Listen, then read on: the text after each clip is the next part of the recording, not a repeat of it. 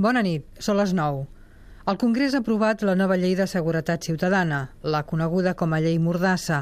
La majoria absoluta del PP ha actuat com una piconadora i ha derrotat l'oposició que en bloc rebutjava la nova llei patrocinada pel ministre de l'Interior, Jorge Fernández Díaz. D'Esquerra Unida a UPyD, de Convergència i Unió a Amaiur, tots els grups parlamentaris han anat desgranant les raons del no. El Congrés ha sentit que és una llei necessària, que viola la jurisprudència europea, que institucionalitza la repressió, que retalla drets fonamentals com el de manifestació i reunió. Només la majoria absoluta del PP ha pogut frenar una marea tan contundent de l'oposició. Tots els grups, tots, han promès que si a la pròxima legislatura hi ha una majoria diferent, si el PP perd aquesta majoria absoluta, canviaran la llei o la derogaran.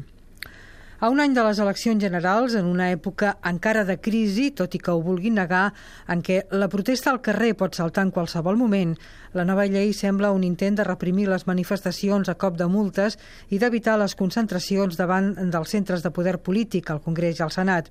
La policia podrà actuar amb impunitat perquè estarà prohibit gravar imatges dels agents atonyinant els manifestants si això constitueix una amenaça a la seguretat ciutadana. Es multarà a participar en una concentració per evitar un desnonament i acampar a la via pública. No és gratuït, doncs, que l'hagin batejada com la llei Mordassa perquè fa callar les boques sota l'amenaça d'unes sancions que en els casos més extrems poden arribar als 600.000 euros. El que no aconsegueix una policia repressiva, que seria pròpia d'altres règims ho pot arribar a aconseguir una política de sancions econòmiques difícils d'assumir que sembla del tot impròpia d'una societat democràtica. Les faltes surten del Codi Penal i passen a ser castigades amb multes administratives i això vol dir que moltes conductes deixaran de tenir la tutela judicial, que era una garantia d'imparcialitat.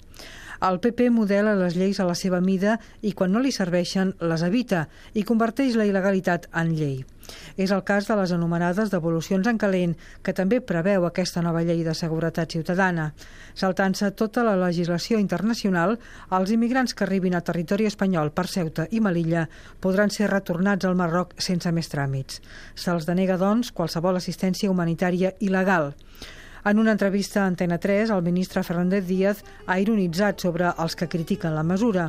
Ha dit textualment si em donen una adreça on puguem traslladar aquesta pobra gent i en garanteixen la manutenció i els donen feina, els asseguro que els hi enviem. Però, ha reblat, hi ha molta hipocresia i pel que sembla també hi ha molt de cinisme.